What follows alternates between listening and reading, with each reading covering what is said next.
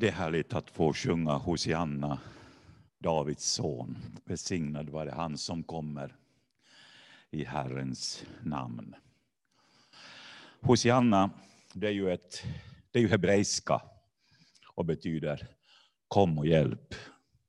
Jag tror att kanske den sången har ett speciellt, en speciell relevans det här speciella året. Vi behöver hans hjälp och vi behöver hans kraft i en tid som denna. Adventstiden den här, det här året är annorlunda. Vårt firande är lite dämpat och vi saknar, tror jag allesammans, möjligheten att få samlas tillsammans och sjunga Hosianna i välfyllda kyrkor över hela landet. Vi saknar kyrkkaffet och de varma handslagen. Vi saknar värmen från en kram och ett leende. Nu sitter vi här och går omkring med våra munskydd. Vi håller distans och sträcker fram armbågen. Men hur som helst är det gott att få vara här idag. Och jag tror att vi ska få ha en fin stund kring adventsbudskapet. Det är ju ett budskap som är så packat, så fyllt av hopp och framtid. Så vi har vårt fokus på honom som skingrar mörker och oro och som kommer till oss med hjälp och räddning. Stefan läste redan från Matteus 21, eh, adventtexten. Och jag har valt att ta en gammaltestamentlig text i samma ämne. Tänk att så här skrev Sakaria många hundra år före det som hände i Jerusalem för 2000 år sedan. Sakaria 9. Fröjda dig stort, dotter Sion. Jubla, dotter Jerusalem. Se, din kung kommer till dig. Rättfärdig och segerrik är han. Han kommer ödmjuk, ridande på en åsna, på en åsninnas föl. Jag ska ta bort vagnar ur Efraim och hästar ur Jerusalem. Stridens bågar ska bort och han ska tala frid till hedna folken. Hans välde ska nå från hav till hav och från floden till jordens ändar. Advent, det betyder ju inte att vänta. Och som det skulle passa så bra för oss som talar svenska som modersmål. Men advent eh, härleds från det här uttrycket på latin som, som är adventus domini, Herrens ankomst. Och, och jag tänker tala lite om ankomst idag. Det att det är någonting som kommer till oss. Jag vill tala om Jesu första ankomst. Och jag ska säga några ord om hans andra ankomst. Och jag ska säga några ord om att denne Jesus också är på väg till ditt liv när du behöver hans hjälp och hans kraft. Hans första ankomst. Det handlar ju om, det är ju den här adventtexten som vi alldeles nyss läste. Den handlar om hur Jesus rider in i Jerusalem. Han kom inte till Jerusalem som en jordisk politisk härskare, utan han kommer ödmjuk ridande på en åsna. Att han kom in i stan ridande på en åsna var en väldigt stark signal. Det, bara det hade ett budskap till de människor som levde då. Kanske inte så tydligt för oss som lever nu. Men jag tror de flesta visste att när en krigsherre ville skipa fred, när han ville bygga relationer och när han ville sluta ovänskap och krig, då kom han ridande på en åsna. Och reaktionen visar, tycker jag, att folk förstod vad det han ville säga med sin ankomst till Jerusalem den här speciella dagen som vi firar idag. För de här människorna som fanns där, de längtade ju så mycket just efter befriaren. Från förtryck och ockupation.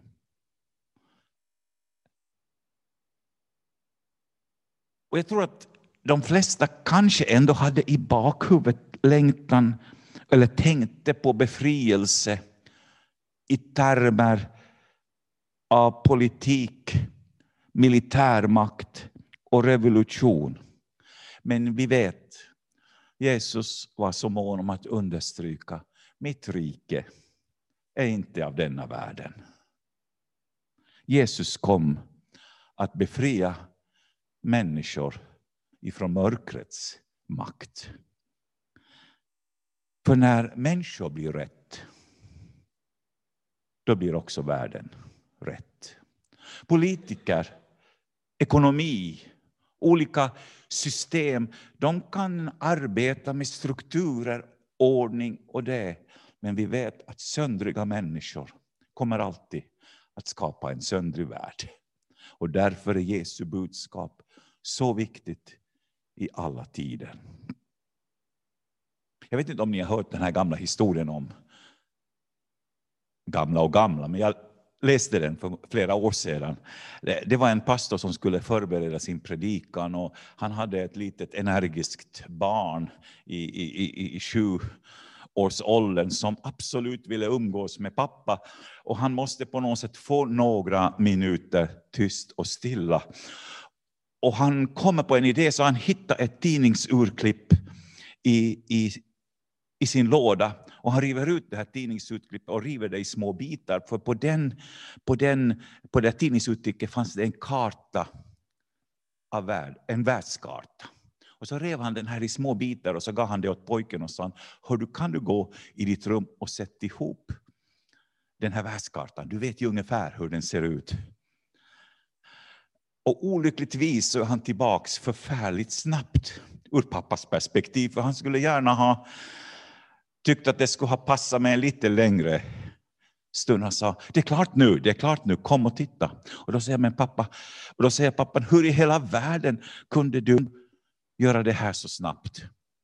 Och då säger pojken så här, jag upptäckte på det här tidningsurklippet att det var bilden av en människa på baksidan. Så jag, lämde, så jag vände på alla bitar. Och när jag, för jag visste att blir människan rätt så kommer också världen att bli rätt. Och på något sätt det är den här logiken. Det är så här Jesus kom till världen. Man kanske tänkte i termer av politik, makt, ekonomi. Allt det där är viktigt och behövligt för ett fungerande samhälle. Men Jesus han arbetar på en annan nivå. Han helar människorna från det som skadar oss och gör oss så söndriga och gör att vi så många gånger söndrar det som är omkring oss. Mitt rike är inte av denna världen. Julen är en fest då vi kristna firar Jesu första ankomst till världen. Den är Jesus som är Guds gåva till mänskligheten. Han som stiger ner från himlens härlighet och ljus. Han stiger ner för att vandra med oss människor på våra dammiga vägar. Han som mötte människor i, all, i alla former av olycka och nöd. Han kom för att dela mänsklighetens villkor. Han kom inte med dom, han kom inte med hämnd. Han kom med liv och han kom med kraft. Han gav sitt liv som offer för att betala vår skuld, våra räkningar. Han kom med framtid och hopp. Det är det julen handlar om. Han kom till oss och förvandlade vårt liv och vår värld. Men jag tycker att adventtexterna handlar också om att han ska komma igen. Vi ser ju fram emot Jesu andra ankomst, eller hur? Det handlar om att han ska komma tillbaka. Han säger ju, eller änglarna säger ju till lärjungarna där på Oljeberget, han ska komma tillbaka på samma sätt som ni har sett honom fara upp till himlen.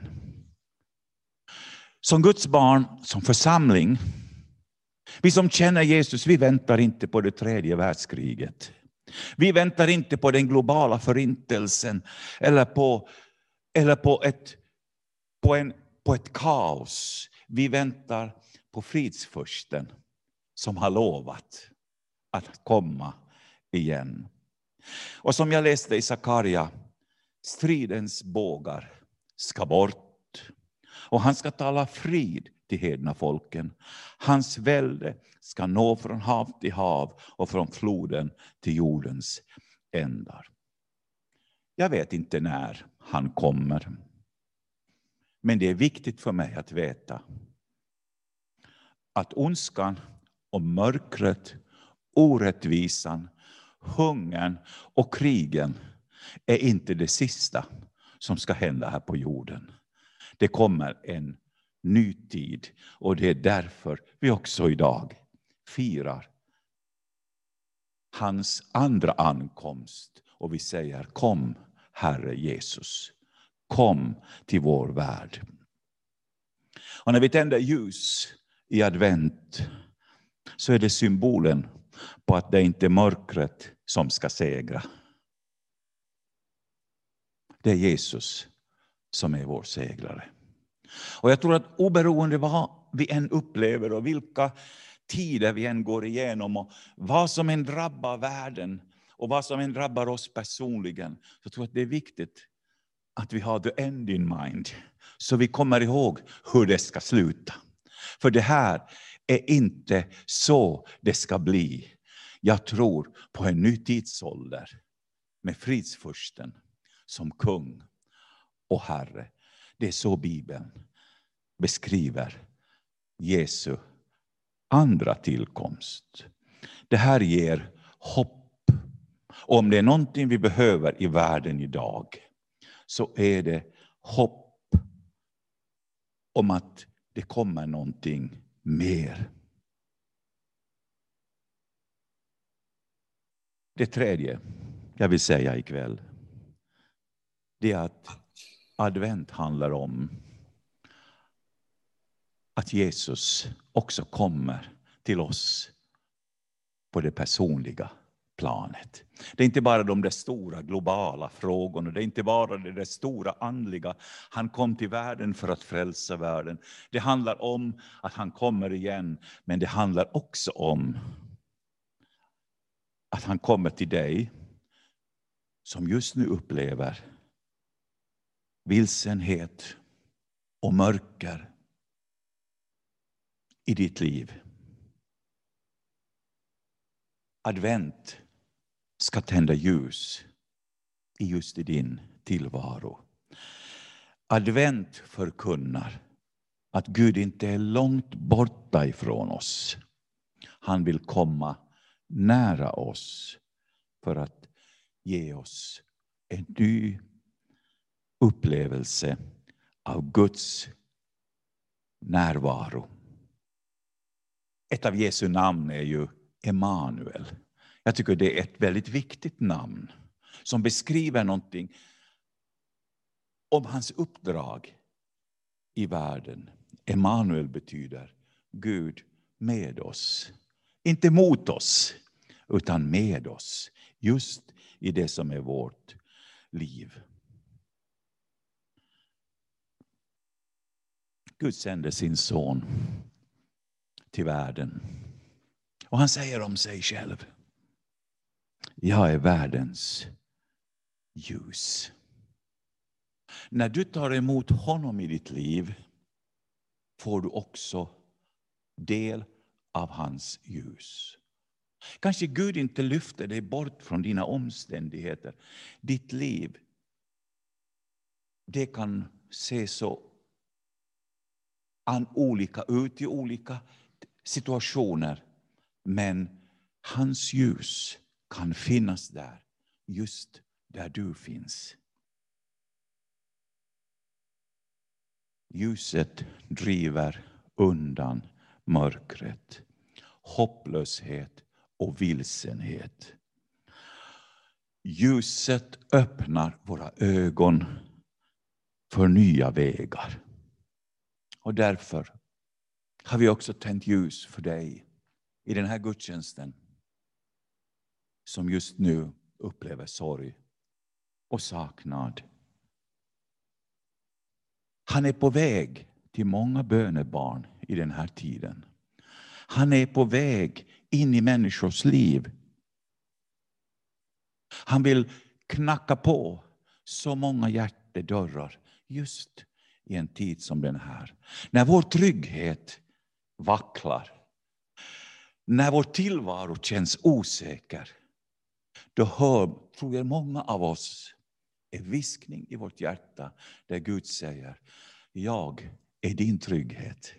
Jag är din, är den grund som du får bygga på. Det är jag som är din tillflykt i alla tider.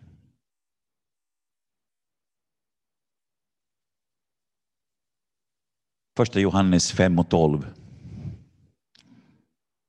Jag ska läsa i message-versionen.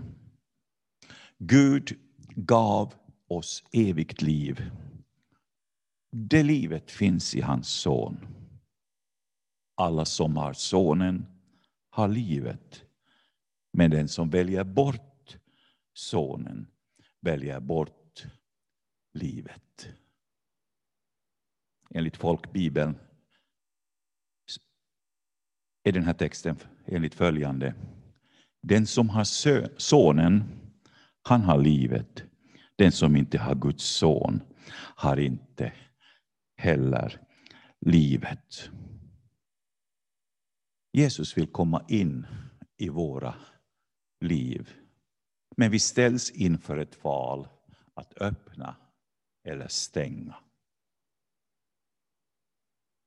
Jag måste få avsluta ikväll med att berätta en liten märklig händelse eh, som eh, skedde för några decennier sedan i Amerika.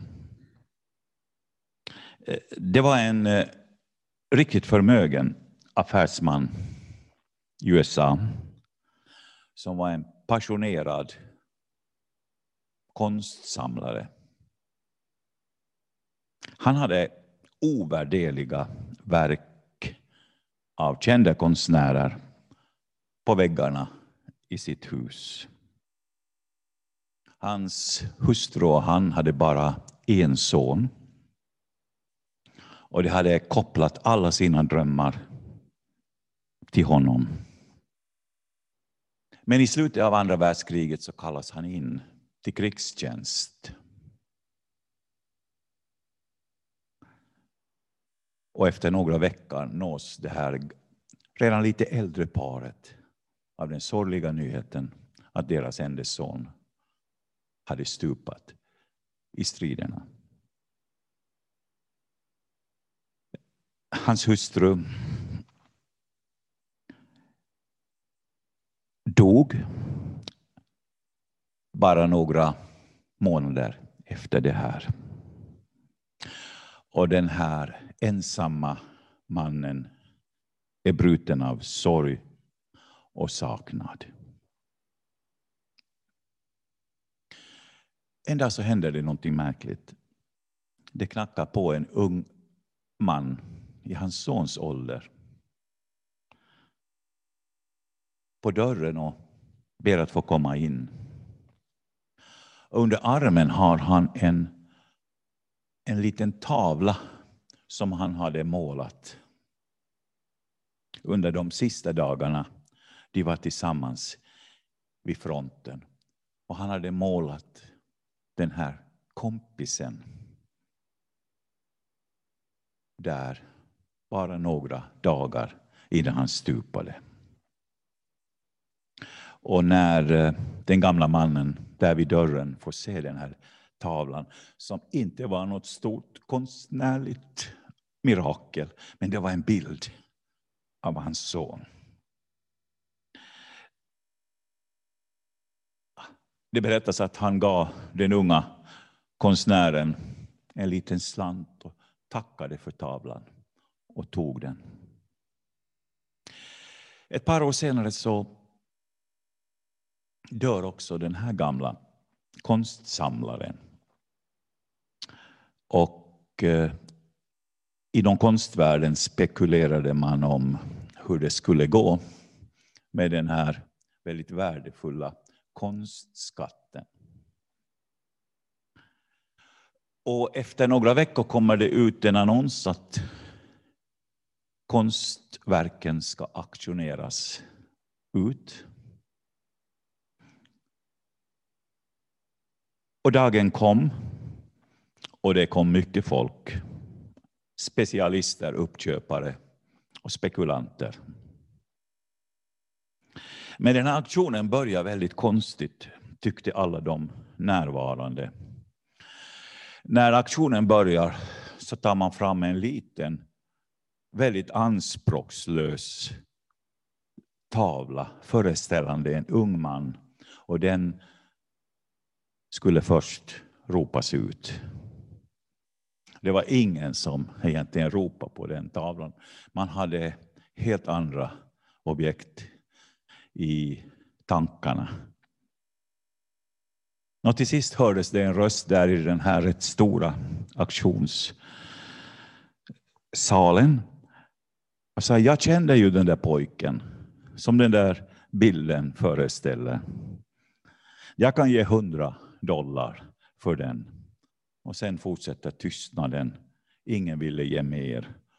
Och klubban föll och alla drog en suck av lättnad att det här numret var över. Men då stiger auktionsförrättaren fram och säger enligt det testamente vi har här av den gamle mannen och konstsamlaren så är auktionen nu avslutad. Han hade bestämt att den som köper bilden av sonen, han ska få alla de andra konstverken. Och det blev ju en enorm suck och många uppgivna röster i, i salen.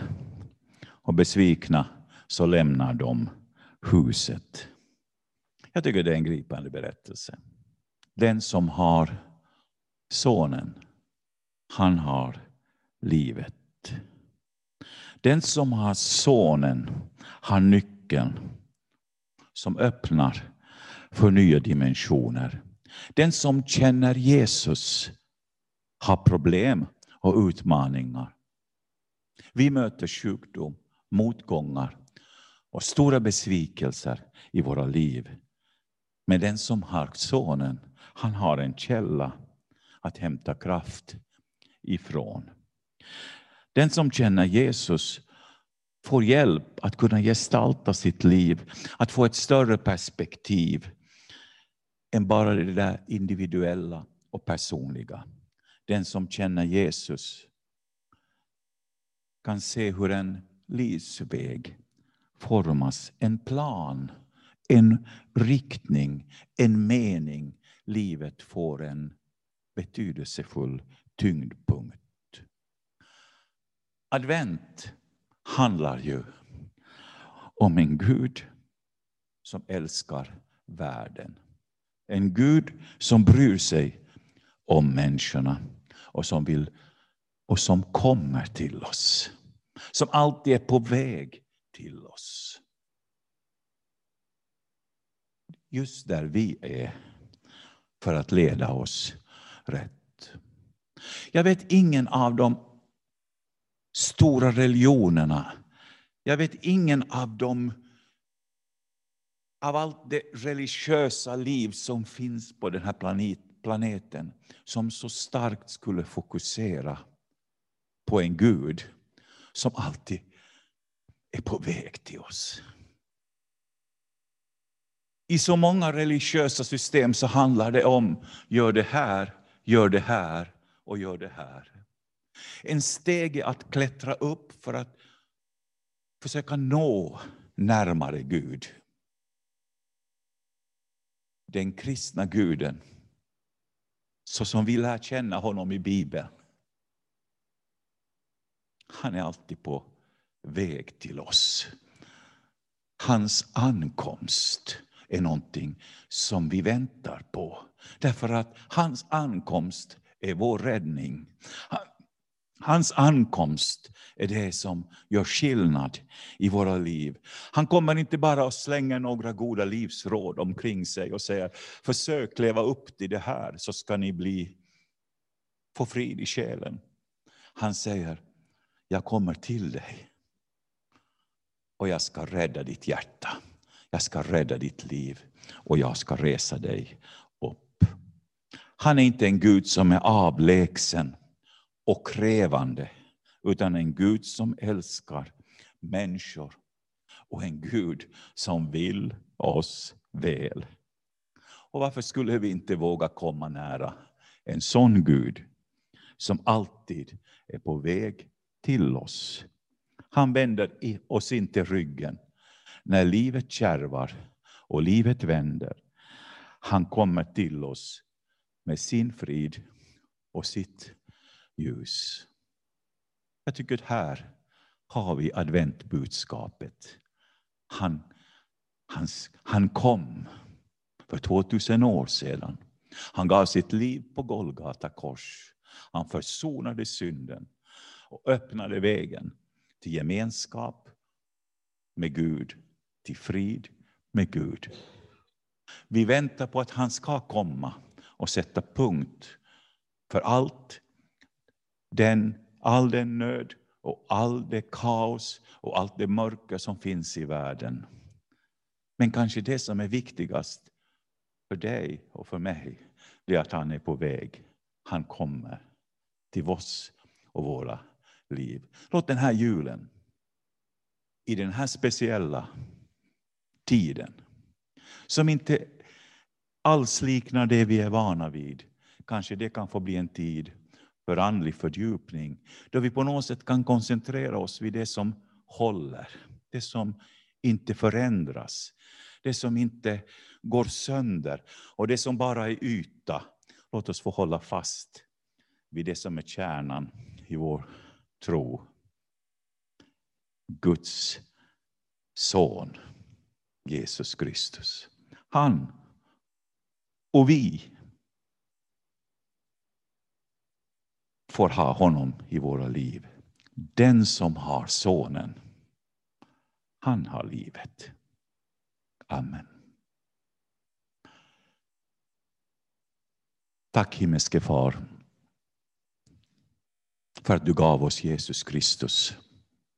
Du sände oss det vackraste, det finaste, det värdefullaste. Du har det. Du sände honom till vår jord och han betalade priset för att jag skulle bli fri. Herre, du sonade min synd och jag fick frid med Gud. Och det är därför vi så frimodigt kommer inför din tron. Herre, vi tackar dig för att vi fick lära känna dig som vår personliga frälsare. Herre, jag tackar dig för att eh, du kom till oss och du gav oss barnaskap och trygghet i att vi är dina. Och jag vill tacka dig också att du en dag ska komma till den här planeten jorden. Herre, och jag tackar dig för att ondskan, mörkret, ska inte ha det sista ordet. Utan Guds plan är att en dag så kommer han tillbaks. Den är Jesus Kristus och då ska vi få ta emot honom och han ska ge frid på jorden. Han ska ge fred bland folken. Och vi ska få se, Herre, att det du har lovat, det du har sagt. Jag tackar dig för att på samma sätt som han lämnade jorden ska han komma tillbaks. Tack för detta underbara hopp. Amen.